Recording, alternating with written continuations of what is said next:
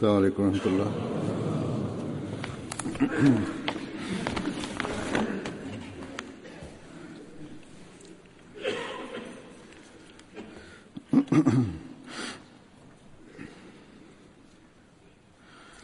أشهد أن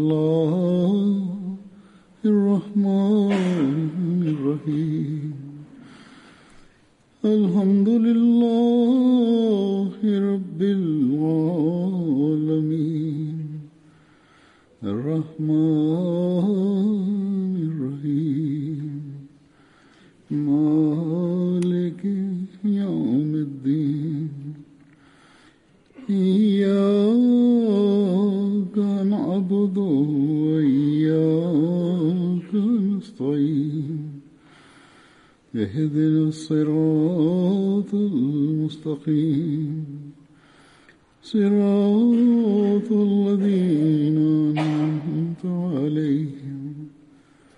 غير المغضوب عليهم ولا الضالين.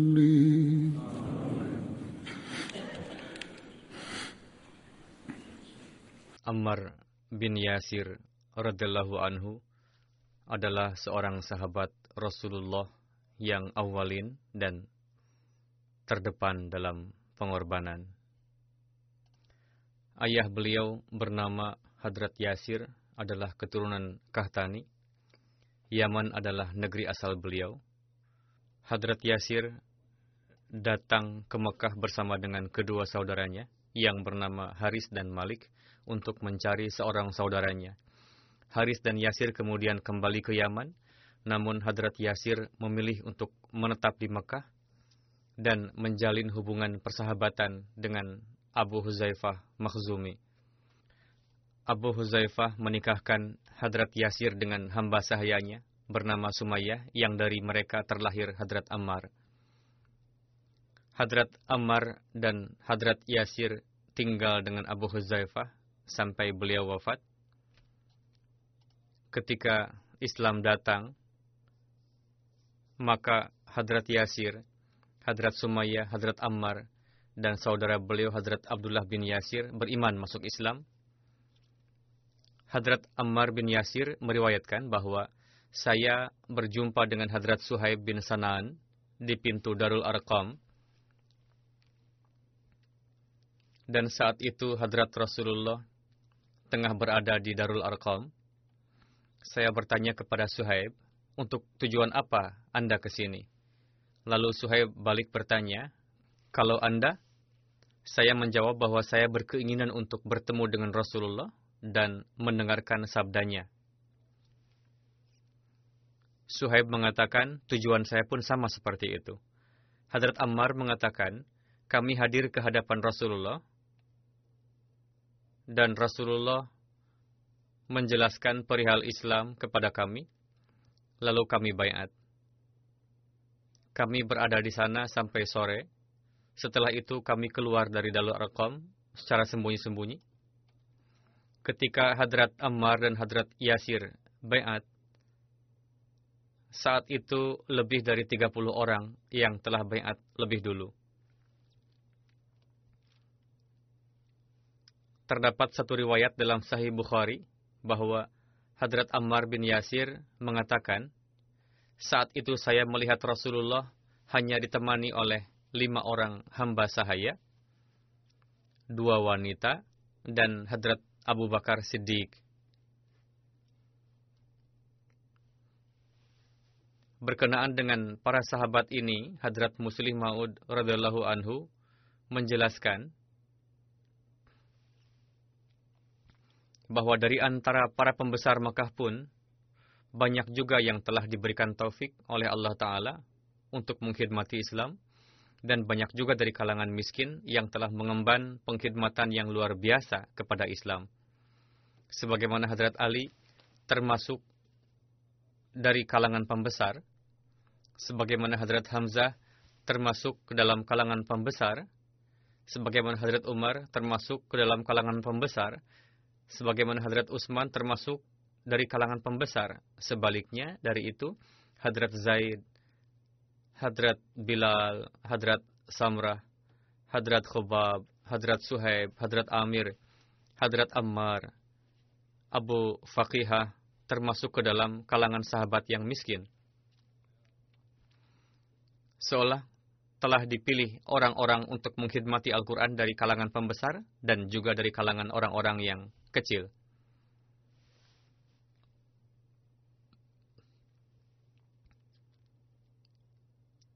Beliau bersabda, Hadrat Sumayyah adalah seorang hamba sahaya wanita. Beliau sering dianiaya oleh Abu Jahal supaya keluar dari Islam. Namun karena keimanan beliau tidak goyah sedikit pun, maka suatu hari Abu Jahal marah lalu mensyahidkan beliau dengan menusukkan tombak pada kemaluan beliau. Hadrat Ammar yang adalah putra Hadrat Sumayyah biasa disiksa dengan dijemur terlentang di atas pasir yang panas.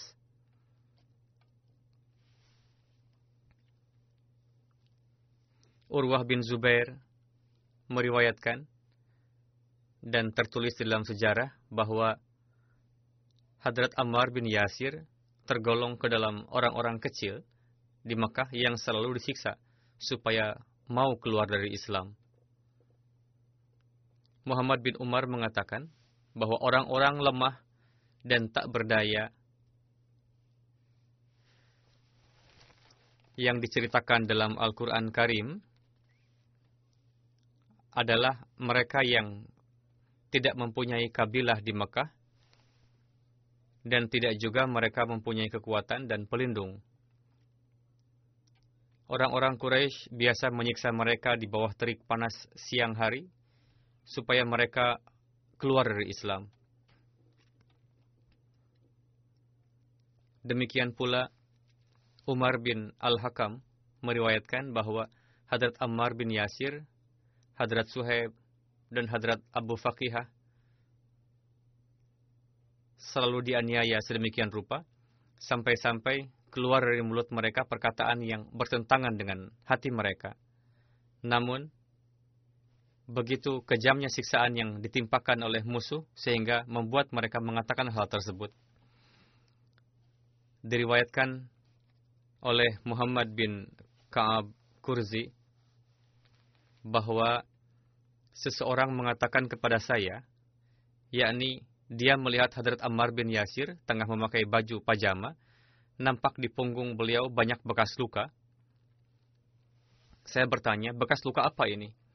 Hadrat Ammar menjawab bahwa ini adalah bekas luka-luka siksaan ketika di Makkah dahulu yang ditimpakan padaku di bawah terik matahari. Ammar bin Maimun meriwayatkan bahwa kaum musyrik telah membakar Hadrat Ammar dengan api. Ketika itu Hadrat Rasulullah lewat di dekat Hadrat Ammar, lalu sambil mengusap kepala Hadrat Yasir bersabda, Ya narukuni bardaw wassalaman ala Ammar, kama kunti ala Ibrahim, yakni, wahai api, dinginlah engkau, dan jadilah keselamatan bagi Ammar seperti kepada Ibrahim.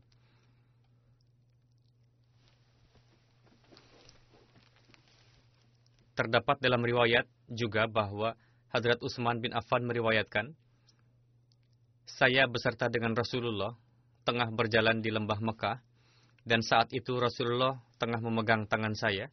Kami datang menemui Abu Ammar, Ammar, dan ibunda beliau yang saat itu tengah disiksa. Hadrat Yasir mengatakan, apakah akan selalu seperti ini? Beliau bersabda kepada Hadrat Yasir, bersabarlah lalu memanjatkan doa, Ya Allah, anugerahkanlah ampunan kepada keluarga Yasir, dan aku yakin bahwa engkau telah melakukannya. yakni Allah Ta'ala telah mengabarkan kepada Rasulullah bahwa mereka telah diampuni disebabkan oleh kondisi penderitaan yang mereka alami ini. Dalam riwayat lain, Hadrat Rasulullah Sallallahu Alaihi Wasallam tengah lewat di dekat keluarga Ammar, yang mana mereka tengah dianiaya. Beliau bersabda, wahai keluarga Ammar, berbahagialah, karena pasti telah dijanjikan surga bagimu.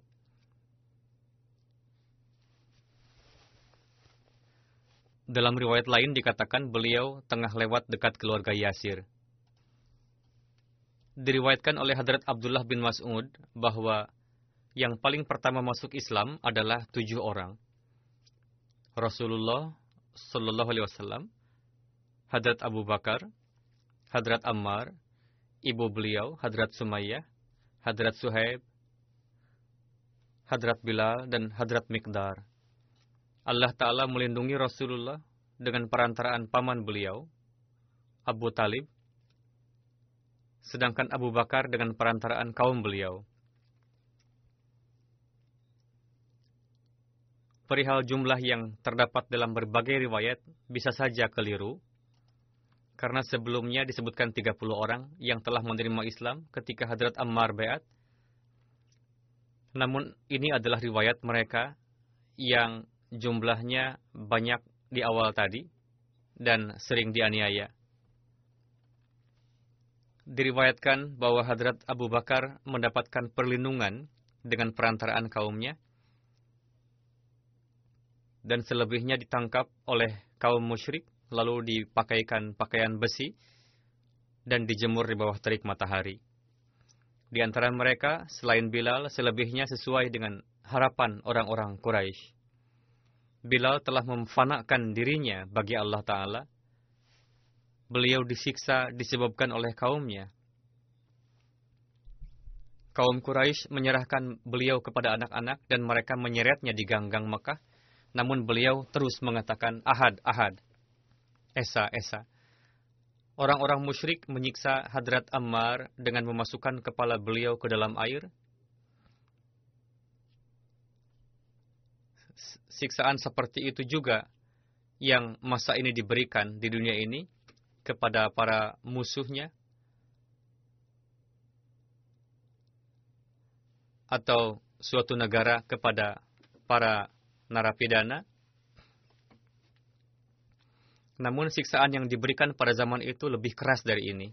Dalam satu riwayat bahwa Hadrat Rasulullah menjumpai Hadrat Ammar yang tengah menangis saat itu Hadrat Rasulullah mengelap air mata dari mata Hadrat Ammar dan bersabda, orang kafir suka menyeret kamu, lalu menenggelamkanmu ke dalam air, dan kamu mengatakan ini dan itu. Jika mereka mengatakan lagi hal-hal itu, jawablah lagi seperti itu. Secara rinci, tertulis di dalam sirat Khatamun Nabiyyin, dan dari riwayat-riwayat lainnya juga dijelaskan oleh Hadrat Mirza Bashir Ahmad bahwa Ammar dan ayahnya Yasir dan juga ibunya, ibu beliau bernama Sumayyah, Bani Makhzum yang mana Sumayyah pernah menjadi hamba sahaya mereka, sering menyiksa ketiganya, sehingga jika kita membaca kisahnya, maka badan pun merinding dibuatnya. Suatu saat ketika para pengikut Islam mendapat siksaan dan secara kebetulan Rasulullah menghampiri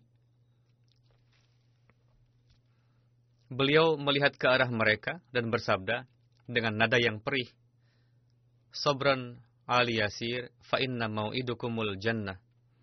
Wahai keluarga Yasir, bersabarlah, dan jangan tinggalkan kesabaran, karena sebagai balasan atas penderitaan ini, Tuhan telah mempersiapkan surga bagi kalian. Pada akhirnya Yasir wafat dalam siksaan itu, sedangkan paha wanita tua itu ditusuk tombak oleh Abu Jahal yang zalim dengan kejamnya, sehingga membelah tubuh beliau dan menembus sampai ke kemaluan beliau, sehingga wanita yang tidak berdosa itu menggelepar-gelepar akhirnya wafat pada tempat itu. Sekarang yang tersisa tinggal Ammar, beliau pun disiksa dengan kejamnya oleh mereka dan dikatakan, sebelum kamu mengingkari Muhammad Sallallahu Alaihi Wasallam, kami akan terus menyiksamu karena sudah begitu menderita pada akhirnya Ammar mengucapkan sesuatu perkataan yang tidak sesuai sehingga mereka melepaskan Ammar. Namun setelah itu Ammar langsung datang ke hadapan Rasulullah sambil menangis keras. Beliau bertanya, "Apa yang terjadi, Ammar?" Beliau mengatakan, "Wahai Rasulullah, binasalah aku. Begitu kejamnya siksaan yang ditimpakan padaku, sehingga aku terpaksa mengatakan sesuatu mengenai Anda yang keliru." Beliau bertanya, "Bagaimana kondisi hatimu sendiri?" Beliau menjawab, "Hatiku masih mukmin seperti semula dan tetap dalam kecintaanku kepada Allah dan Rasul-Nya." Beliau bersabda, "Kalau begitu baiklah, Tuhan akan memaafkan kesalahan kamu ini." Hadrat Masih Maud salam menulis beberapa catatan dalam buku beliau berjudul Cishmai Marifat perihal buku seorang Hindu Prakash Deuji yang beliau tulis berkenaan dengan riwayat Rasulullah. Beliau alaihissalam bersabda, dan beliau juga menasihatkan kepada para Ahmadi untuk membeli buku yang ditulis oleh non-muslim tersebut dan membacanya. Beliau bersabda, beberapa catatan beliau tuliskan dalam buku Cishmai Ma'rifat sebagai kesimpulan dari kitab Brahmu, yakni sebagai berikut.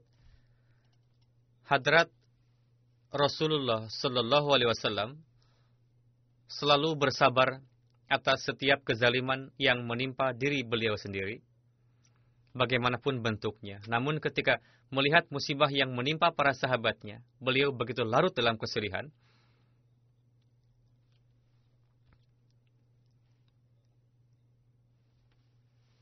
Orang-orang mukmin yang miskin itu begitu dizalimi, ditangkap dan dibawa ke hutan, lalu dijemur terlentang di bawah terik matahari, dan diletakkan batu besar di atas dadanya sehingga karena saking panasnya, lidah mereka terjulur keluar. Banyak sekali jiwa yang melayang karena siksaan itu. Di antara orang-orang yang dizalimi itu, salah satunya adalah Ammar, yang telah bersabar dan bertahan dari kezaliman mereka. Beliau alaihissalam menulis, seharusnya menyebut Hadrat Ammar. Beliau diikat dan dijemur terlentang di atas tanah berbatu, Lalu di dada beliau diletakkan batu besar dan diperintahkan untuk mengeluarkan cacian atas Rasulullah. Begitu juga ayah beliau mendapatkan siksaan yang kejam dan ibunda beliau juga yang bernama Sumayyah. Tidak tega rasanya untuk melihat kezaliman atas mereka.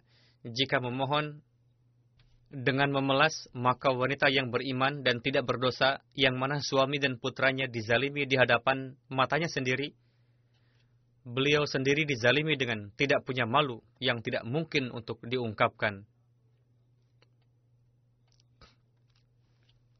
Pada akhirnya, setelah menggelepar-gelepar, wanita yang beriman itu wafat. Inilah kesimpulan yang dijelaskan oleh Hadrat Masih Maud dari buku orang Hindu yang beliau tulis berkenaan dengan riwayat Hadrat Rasulullah dan para sahabat beliau. Sufyan meriwayatkan dari ayahnya bahwa Hadrat Ammar adalah orang pertama yang membuat masjid di rumah untuk beribadah.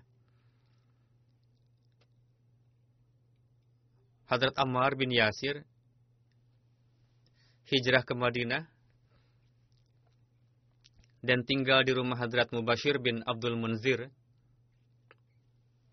Hadrat Rasulullah mengikatkan tali persaudaraan antara Hadrat Huzaifah bin Al-Yaman dan Hadrat Ammar radhiyallahu anhu.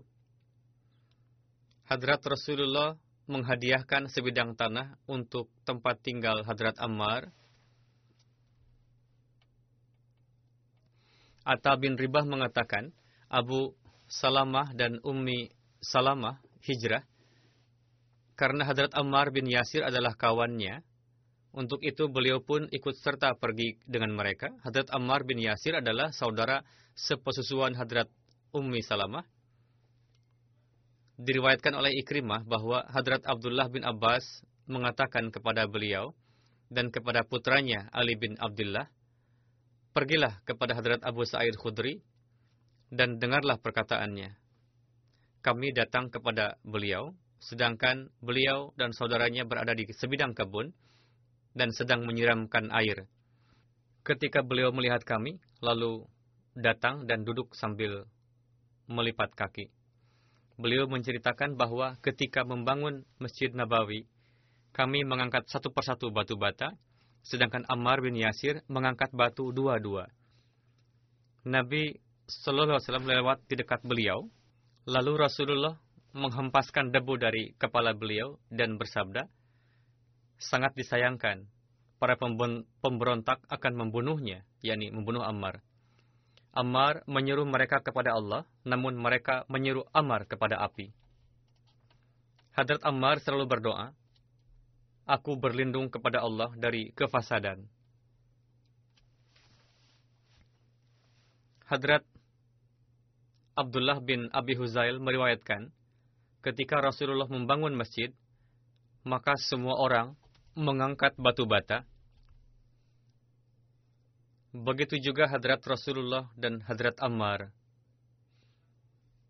Hadrat Ammar membacakan syair Nahnul Muslimuna Nabtanil Masajid bahwa kami umat muslim yang membuat masjid-masjid. Rasulullah bersabda, Al-Masajid, yakni seiring dengan itu, beliau selalu mengulang-ulangnya. Sebelum itu Hadrat Ammar sakit. Sebagian orang mengatakan bahwa kali ini pasti Ammar akan wafat karena terus bekerja keras, padahal baru sembuh dari sakit dan masih sangat lemah. Mendengar ini, Hadrat Rasulullah menjatuhkan batu bata dari tangan Ammar dan mengatakan, beristirahatlah kamu.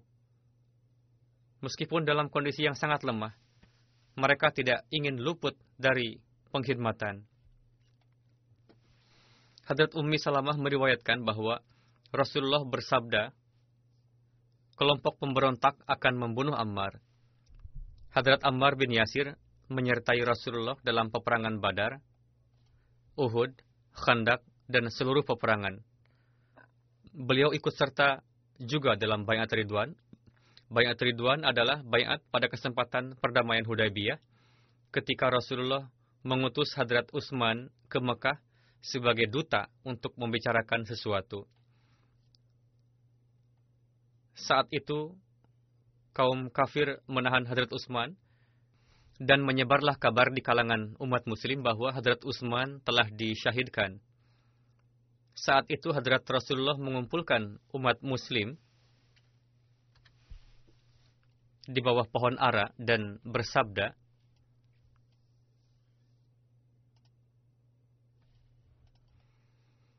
Pada hari ini, aku ingin mengambil janji dari kalian, yakni tidak ada orang yang akan berpaling dan mempertaruhkan jiwanya, dan tidak akan meninggalkan tempat ini. Berkenaan dengan pengumuman ini, dikabarkan bahwa untuk mengikrarkan janjinya, para sahabat saling menyentuh satu sama lain. Ketika terjadi bayat, Rasulullah meletakkan tangan kiri beliau di atas tangan kanan beliau dan bersabda bahwa tangan ini untuk Utsman. Karena jika dia ada, pasti akan ikut. Ternyata kabar tersebut tidak benar. Hadrat Utsman datang. Namun saat itu umat muslim telah bayat dan berjanji bahwa permainan nyawa yang dilakukan oleh musuh pasti akan kami balas yakni seorang duta yang telah diutus kepada mereka, yakni Hadrat Utsman, telah disyahidkan mereka.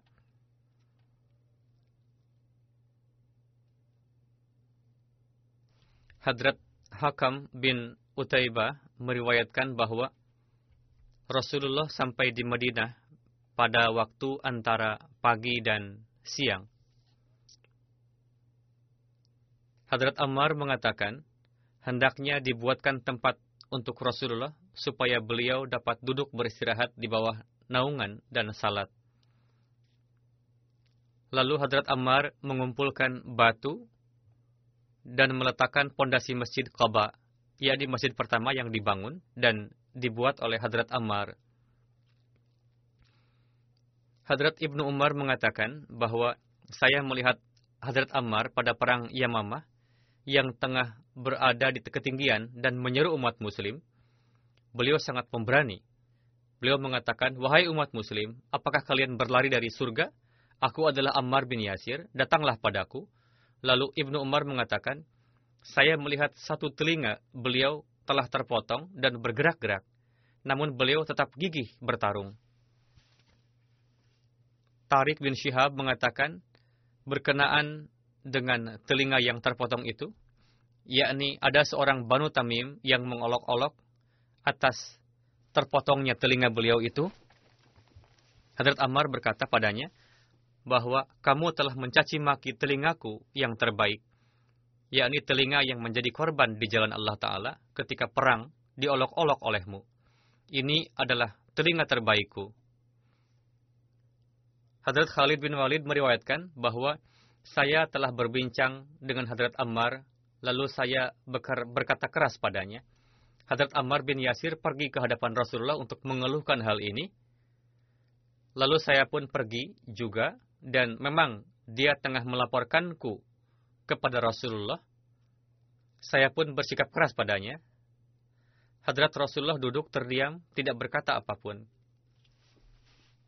Hadrat Ammar mulai menangis dan berkata, Ya Rasulullah, Anda tidak melihat keadaan Khalid? Rasulullah mengangkat kepala dan bersabda, Siapa yang memusuhi Ammar, maka Allah akan memusuhinya. Dan orang yang membenci Ammar, maka Allah akan membenci orang itu.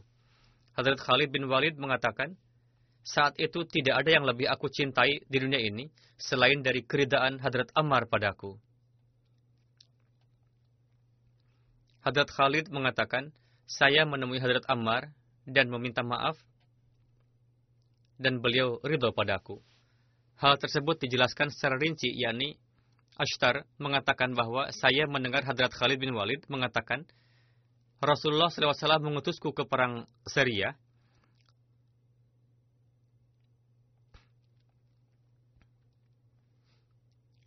Hadrat Ammar bin Yasir pun ikut serta denganku. Di tengah rencana tersebut kami pergi kepada orang-orang yang di antaranya ada satu keluarga yang sedang membincangkan Islam. Hadrat Ammar mengatakan bahwa mereka adalah pemegang tauhid namun saya tidak menaruh perhatian pada perkataannya dan memperlakukannya sama seperti kepada orang-orang lain juga. Hadrat Ammar mengancam saya bahwa beliau akan menyampaikan hal ini kepada Rasulullah ketika mulakat nanti. Lalu Hadrat Ammar datang ke hadapan Hadrat Rasulullah dan menceritakan semuanya. Ketika Hadrat Ammar melihat bahwa Rasulullah tidak membantunya, yakni beliau Sallallahu Alaihi Wasallam tetap terdiam, lalu Ammar pulang dalam keadaan sedih menangis, Hadrat Khalid mengatakan bahwa Hadrat Rasulullah memanggil saya dan bersabda, Wahai Khalid, jangan memaki Ammar, karena barang siapa yang memaki Ammar, maka Allah akan membalas caciannya. Dan barang siapa yang benci kepada Ammar, maka Tuhan pun akan membencinya. Barang siapa yang mengatakan bodoh kepada Ammar, maka Allah akan mengatakan hal yang sama kepadanya.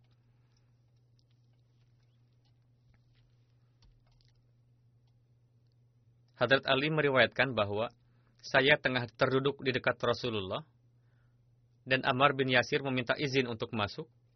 Lalu Rasulullah mengizinkannya dan bersabda, Selamat datang manusia yang suci. Inilah kemuliaan yang Rasul anugerahkan kepada beliau. Hadrat Aisyah meriwayatkan, Rasulullah SAW bersabda, jika diberikan wewenang kepada Ammar untuk memilih antara dua hal, maka dia akan memilih sesuatu yang di dalamnya terdapat banyak petunjuk dan nasihat. Hadrat Ammar bin Syarjil meriwayatkan, Rasulullah bersabda, keimanan telah mengalir kuat pada urat nadi Ammar bin Yasir, yakni benar-benar larut dalam keimanan. Hadrat Ammar bin Yasir tergolong ke dalam orang-orang yang dilindungi oleh Allah Ta'ala dari syaitan. Ibrahim meriwayatkan dari Al-Qamah, beliau mengatakan bahwa ketika saya pergi ke Syria, orang-orang mengatakan bahwa Abu Darda mengatakan, apakah di antara kalian ada orang yang diselamatkan oleh Tuhan dari syaitan? Sebagaimana Nabi sendiri telah bersabda berkenaan dengan Hadrat Ammar, ketika Hadrat Rasulullah bersiap-siap untuk menyerang Makkah, beliau merahasiakan rencana tersebut. Meskipun pada sahabat tengah melakukan persiapan rencana itu, namun tidak diketahui oleh umum bahwa akan ada penyerangan ke Mekah. Pada saat itu, disebabkan oleh keluguan dan ketidaktahuannya, seorang sahabat Badri yang ikut pada perang Badar, Hatib bin Baltah telah mengirimkan surat secara diam-diam ke Mekah melalui seorang wanita yang datang dari Mekah, yang mana di dalam surat tersebut terdapat informasi lengkap perihal kepersiapan untuk penyerangan ke Mekah. Wanita tersebut berangkat dengan membawa surat tersebut. Allah Ta'ala mengabarkan hal tersebut kepada Rasulullah. Untuk itu beliau mengutus Hadrat Ali bersama dengan dua tiga orang lainnya, yang di antaranya Hadrat Ammar bin Yasir, untuk mengejar wanita itu dan mengambil kembali surat tersebut. Dalam menceritakan kisah tersebut, Hadrat Khalifatul Masih pertama menjelaskan, ada seorang wanita bernama Sarah, penduduk Mekah, dibesarkan dalam keluarga Bani Hashim. Wanita itu datang kepada Rasulullah di Madinah yang mana saat itu tengah dilakukan persiapan keberangkatan ke Mekah untuk Fatah Mekah. Hadrat Rasulullah bertanya padanya, apakah kamu lari dari Mekah karena masuk Islam?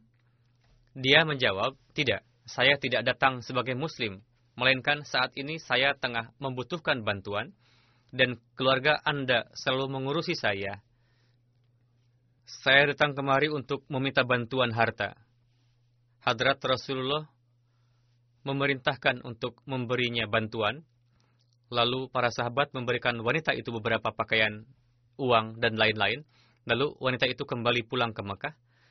Ketika akan berangkat pulang, hatib sahabat Badar tersebut memberikannya 10 dirham dan berpesan bahwa aku akan menitip surat padamu. Sampaikanlah surat tersebut pada penduduk Mekah. Lalu wanita itu menerimanya. Dalam surat tersebut, Hatib mengabarkan kepada penduduk Mekah bahwa Hadrat Rasulullah berniat untuk menyerang Mekah. Bersiap-siaplah kalian. Baru saja pergi dari Madinah, Rasulullah mendapatkan kabar dengan perantaraan wahyu Allah bahwa wanita itu membawa sepucuk surat. Lalu seketika itu juga Rasulullah mengutus Hadrat Ali dengan Ammar dan beberapa orang lainnya untuk menangkap wanita tersebut dan mengambil suratnya. Dan jika tidak mau menyerahkan surat tersebut, maka bunuh saja. Walhasil, utusan tersebut berhasil menangkap wanita tersebut di tengah jalan. Dia ingkar dan bersumpah mengatakan bahwa dia tidak membawa surat. Lalu Hadrat Ali menarik pedang dan mengatakan bahwa tidak mungkin kabar ini dusta. Kami mendapatkan kabar ini melalui wahyu ilahi. Pasti surat itu ada padamu. Karena takut melihat pedang, akhirnya dia mengeluarkan surat itu dari rambutnya Ketika diketahui bahwa surat itu dari Hatib, maka Hatib dipanggil. Hadrat Rasulullah menginterogasinya, apa yang telah kamu lakukan ini? Dia menjawab, demi Tuhan, semenjak beriman, saya tidak pernah kafir. Masalahnya adalah, kabilahku di Mekah tidak ada yang menolong dan mengabari. Tujuan surat ini adalah semata-mata ingin supaya kaum kufar jangan menganiaya kabilah saya, Hadrat Umar mengusulkan supaya Hatib dibunuh, namun Rasulullah melarangnya dan bersabda, Allah Ta'ala telah menyatakan keridaannya atas para sahabat badar dan bersabda, Sudahlah, aku telah memaafkanmu. Kesalahan ini dilakukan karena ketidaktahuannya, bukan didasari niat untuk merugikan umat muslim. Hadrat Umar pernah menetapkan Hadrat Ammar bin Yasir sebagai gubernur Kufah. Beliau mengirimkan pesan kepada penduduk Kufah yang menyatakan bahwa amma ba'd, saya kirimkan Hadrat Ammar bin Yasir sebagai amir dan Ibnu Mas'ud sebagai muallim dan menteri. Pengaturan Baitul Mal pun diserahkan kepada Ibnu Mas'ud. Beliau berdua adalah termasuk di antara para sahabat besar Rasulullah yang ikut serta pada perang Badar untuk itu, taatilah dan ikuti keduanya. Saya lebih mengutamakan kalian di atas diri sendiri berkenaan dengan Ibnu Ummi Abd, Hadrat Abdullah bin Mas'ud. Saya telah mengutus Utsman bin Hanif ke daerah As-Sawad, Irak, dijuluki Sawad karena hijau. Disebabkan adanya keluhan dari penduduk Kufah, Hadrat Umar memberhentikan Hadrat Ammar bin Yasir Suatu ketika Hadrat Umar pernah bertanya kepada beliau, apakah pemberhentian ini telah membuat Anda kecewa? Hadrat Ammar menjawab, karena Huzur bertanya, saya sampaikan bahwa ketika Huzur menetapkan saya sebagai gubernur, saya pun sedih. Namun, sudah ditetapkan. Karena itu, saya taat. Dan saat ini pun saya kecewa ketika diberhentikan. Memang ada perasaan kecewa. Namun, beliau tidak mengatakan apa-apa dan taat sepenuhnya. Ketika diberhentikan pun, Hadrat Umar bertanya langsung. Beliau mengungkapkan isi hati yang merupakan kebenaran. Ketika orang-orang munafik dan pembangkang membuat kerusuhan di Beninah, di Madinah dengan memfitnah Hadrat Utsman, sayangnya disebabkan karena keluguannya, Hadrat Ammar bin Yasir pun termakan hasutan Meskipun secara amalan, beliau tidak mendukung mereka dalam hal apa pun, berkenaan dengan hal ini, Hadrat Khalifatul Masih kedua menjelaskan, hanya tiga orang penduduk Madinah yang bersama mereka pada waktu itu. Pertama Muhammad bin Abi Bakar, putra Hadrat Abu Bakar, dan menurut para ahli sejarah, mereka menghormatinya disebabkan oleh ayahnya, Abu Bakar. Timbul pemikiran di benaknya bahwa saya terpandang, padahal secara duniawi tidak memiliki posisi apa-apa tidak juga pernah bergaul dengan Rasulullah, tidak juga di kemudian hari mendapatkan pendidikan agama. Muhammad bin Abi Bakar lahir pada waktu Hujatul Wida. Dan ketika Rasul wafat, beliau masih bayi. Pada usia empat tahun, ayah beliau, Hadrat Abu Bakar, wafat, sehingga tidak mendapatkan tarbiyat dari wujud yang luar biasa itu. Kedua, Muhammad bin Abi Huzaifah, bukan dari kalangan sahabat. Ayahnya wafat pada peperangan Yamamah, lalu Hadrat Utsman mengambil tanggung jawab untuk mendidiknya. Sejak kecil dibesarkan oleh beliau. Setelah Hadrat Utsman menjadi khalifah, dia meminta jabatan kepada Hadrat Utsman, namun beliau menolaknya. Lalu meminta izin kepada Hadrat Utsman untuk pergi bekerja di luar. Beliau mengizinkan, lalu dia pergi ke Mesir. Di sana bersama-sama dengan kawan-kawan Abdullah bin Sabah mulai memprovokasi orang-orang untuk menentang Hazrat Utsman. Ketika penduduk Mesir menyerang Madinah, dia pun ikut dengan mereka. Namun setelah sampai jauh, lalu kembali lagi dan ketika kerusuhan itu, dia tidak ada di Makkah, di Madinah. Sorry. Orang ketiga adalah Ammar bin Yasir adalah sahabat Rasul. Penyebab terhasutnya beliau dijelaskan oleh Hadrat Muslim Ma'ud karena beliau tidak faham politik sama sekali tidak tahu. Ketika Hadrat Utsman mengutusnya ke Mesir untuk memberikan laporan perihal kepemimpinan gubernur di sana, maka Abdullah bin Sabah menjemputnya dan menghasutnya supaya menentang gubernur Mesir.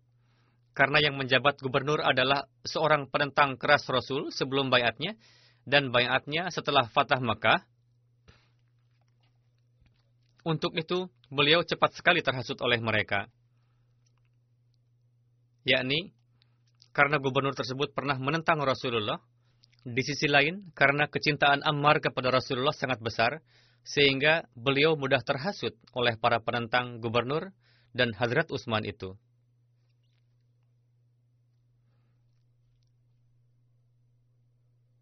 Beranggapan bahwa sebelum ini pun gubernur ini pernah menentang, mungkin tidak dengan sepenuh hati masuk Islam.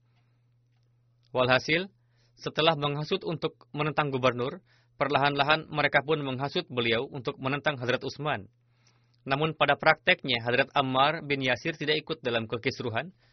Padahal meskipun ketika terjadi penyerangan terhadap Madinah, beliau ada di Madinah. Selain beliau duduk saja terdiam di rumahnya dan tidak ikut bergabung untuk melawan para perusuh itu, beliau tidak ikut serta dalam menciptakan kekisruhan. Kelemahan beliau saat itu adalah meskipun saat itu tengah berada di Madinah, namun tidak ikut serta membantu dalam melawan para perusuh.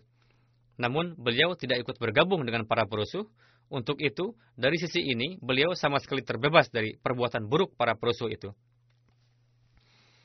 Pada masa kekhalifahan Hadrat Ali, Hadrat Ammar bin Yasir selalu menyertai Hadrat Ali. Beliau ikut serta bersama Hadrat Ali pada peperangan Jamal dan Siffin. Abu Abdurrahman As-Silmi mengatakan bahwa pada perang Siffin kami beserta dengan Hadrat Ali, saya melihat Hadrat Ammar bin Yasir, yakni ke mana pun beliau pergi atau mengarah, para sahabat Rasulullah mengikuti di belakang, seolah-olah beliau berperang sebagai panji bagi mereka. Abdullah bin Sulama meriwayatkan bahwa pada perang Siffin, beliau melihat Hadrat Ammar bin Yasir. Perang Siffin adalah peperangan yang terjadi antara Hadrat Ali dengan gubernur Syria, Amir Muawiyah. Katanya, saya melihat beliau radhiyallahu anhu sudah tua. Abdullah bin Salamah meriwayatkan bahwa beliau berperawakan tinggi, kulit berwarna gandum, di tangan Hadrat Ammar terdapat tombak dan tangan beliau bergetar. Hadrat Ammar mengatakan, demi zat yang jiwaku berada di tangannya, aku berperang tiga kali menggunakan tombak ini bersama Rasulullah dan ini adalah yang keempat. Demi zat yang jiwaku berada di tangannya, jika seandainya mereka terus menggempur dan memukul mundur kita sampai pada ranting kurma hijar, aku tetap akan berkeyakinan bahwa kita berada di atas kebenaran dan mereka keliru. Abul Bakhtari meriwayatkan bahwa ketika perang Siffin, Hadrat Ammar bin Yasir mengatakan, Bawalah susu untukku, karena Rasulullah bersabda kepadaku, yakni minuman terakhir yang akan kamu minum adalah susu. Lalu dibawakanlah susu, dan beliau minum, kemudian beliau tampil ke medan dan akhirnya syahid. Dalam riwayat, ketika susu dibawa kepada Hadrat Ammar, beliau tertawa dan berkata, Rasulullah telah mengatakan padaku, yakni minuman terakhir kamu adalah susu. Beliau bahagia karena pada hari itu akan syahid dalam keadaan tersebut. Ketika perang Siffin, Hadrat Ammar bin Yasir mengatakan bahwa surga berada di bawah kilauan pedang dan orang yang kehausan akan pergi menuju sumber mata air. Pada hari ini aku akan menemui para kekasihku. Hari ini aku akan berjumpa dengan Rasulullah dan jemaat beliau. Abdurrahman bin Abzi meriwayatkan dari ayahnya ketika pergi menuju perang Siffin, pada pojok sungai Farat, Hadrat Ammar bin Yasir mengatakan, Ya Allah, jika seandainya aku tahu bahwa engkau lebih menyukai aku melemparkan diri sendiri dari gunung ini, maka pasti akan aku lakukan demikian. Dan jika seandainya aku tahu bahwa engkau ridho jika aku membuat bara api besar di sini, lalu melompatkan diri ke dalamnya, maka pasti akan aku lakukan demikian. Ya Allah, jika seandainya aku tahu bahwa Engkau lebih menyukai aku melompat ke dalam air dan menenggelamkan diri sendiri, maka pasti akan aku lakukan demikian. Aku berperang hanya demi ridho Engkau semata. Aku ingin janganlah Engkau membiarkan aku gagal dan hanya Engkau dan hanya ridhomu lah yang aku harapkan. Abu Wadiyah Muzni lah yang mensyahidkan Hadrat Ammar bin Yasir. Dia telah menombak beliau yang menyebabkan beliau terjatuh Lalu ada seorang lagi yang menyerang Hadrat Ammar dan memenggal kelapa beliau. Lalu keduanya bertengkar dan pergi menghadap Muawiyah. Keduanya mengaku bahwa mereka lah yang telah membunuh beliau. Hadrat Ammar bin As mengatakan, beliau adalah sahabat dan saat itu beliau bersama dengan Muawiyah. Namun dikarenakan kesalahpahaman, sehingga beliau bersama Muawiyah. Namun kebaikanlah yang zahir dari penuturan Hadrat Ammar bin As. Beliau mengatakan, demi Tuhan, keduanya hanya berselisih perihal api, yakni mereka yang telah mensyahidkan Hadrat Ammar, dan keduanya mengatakan, sayalah yang telah membunuhnya. Sebenarnya kalian tengah berselisih mengenai api. Hadrat Muawiyah mendengar perkataan Hadrat Ammar bin As. Ketika kedua itu pulang, Muawiyah mengatakan kepada Hadrat Ammar bin As, Aku tidak pernah melihat seperti yang kamu katakan itu. Orang-orang rela mengorbankan jiwanya demi kita, sedangkan kamu mengatakan kepada mereka berdua bahwa kalian berselisih mengenai api. Hadrat Ammar mengatakan, demi Tuhan, demikianlah adanya. Demi Tuhan, kamu pun mengenalnya, dan aku ingin seandainya aku mati 20 tahun sebelum dia, yakni Hadrat Ammar bin Yasir, sehingga tidak mengalami kejadian ini, yakni kita berperang seperti ini. Hadrat Ammar wafat pada masa kekhalifahan Hadrat Ali, yakni ketika perang Siffin pada bulan Safar 37 Hijriah pada usia 94 tahun. Sebagian orang berpendapat pada usia 93 atau 91. Beliau dimakamkan di Sifin. Yahya bin Abis meriwayatkan bahwa ketika Hadrat Ammar bin Yasir disyahidkan, beliau mengatakan, kuburkanlah jasad saya dalam pakaian saya. karena aku adalah akan menjadi pemohon. Hadrat Ali memakamkan beliau dalam pakaian sendiri. Abu Ishaq mengatakan bahwa Hadrat Ali memimpin salat jenazah Hadrat Ammar bin Yasir dan Hadrat Hashim bin Utbah. Jasad Hadrat Ammar beliau letakkan di dekat beliau dan Hashim di depannya. Lalu beliau menyalatkan sekaligus dengan lima, enam, atau tujuh takbir. Demikianlah para sahabat yang telah berperang demi kebenaran. Semoga Allah Ta'ala meninggikan derajat mereka. Sebetulnya masih ada riwayat lainnya mengenai beliau. Insya Allah Ta'ala di lain waktu akan disampaikan.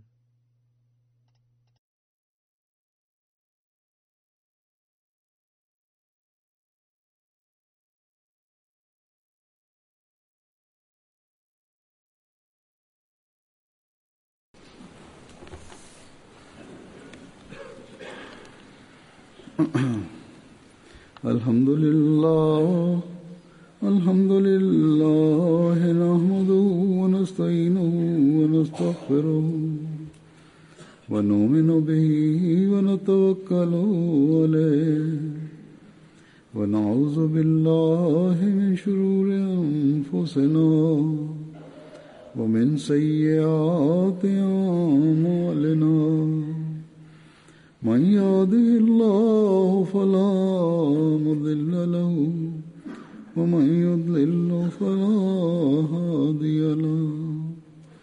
ونشهد أن لا إله إلا الله ونشهد أن محمدا عبده ورسوله. عباد الله رحمكم الله. بالعدل واللسان وإيتاء ذي القربى وينهى عن الفحشاء والمنكر والبغي يعظكم لعلكم تذكرون اذكروا الله يذكركم وادعوه يستجب لكم ولذكر الله أكبر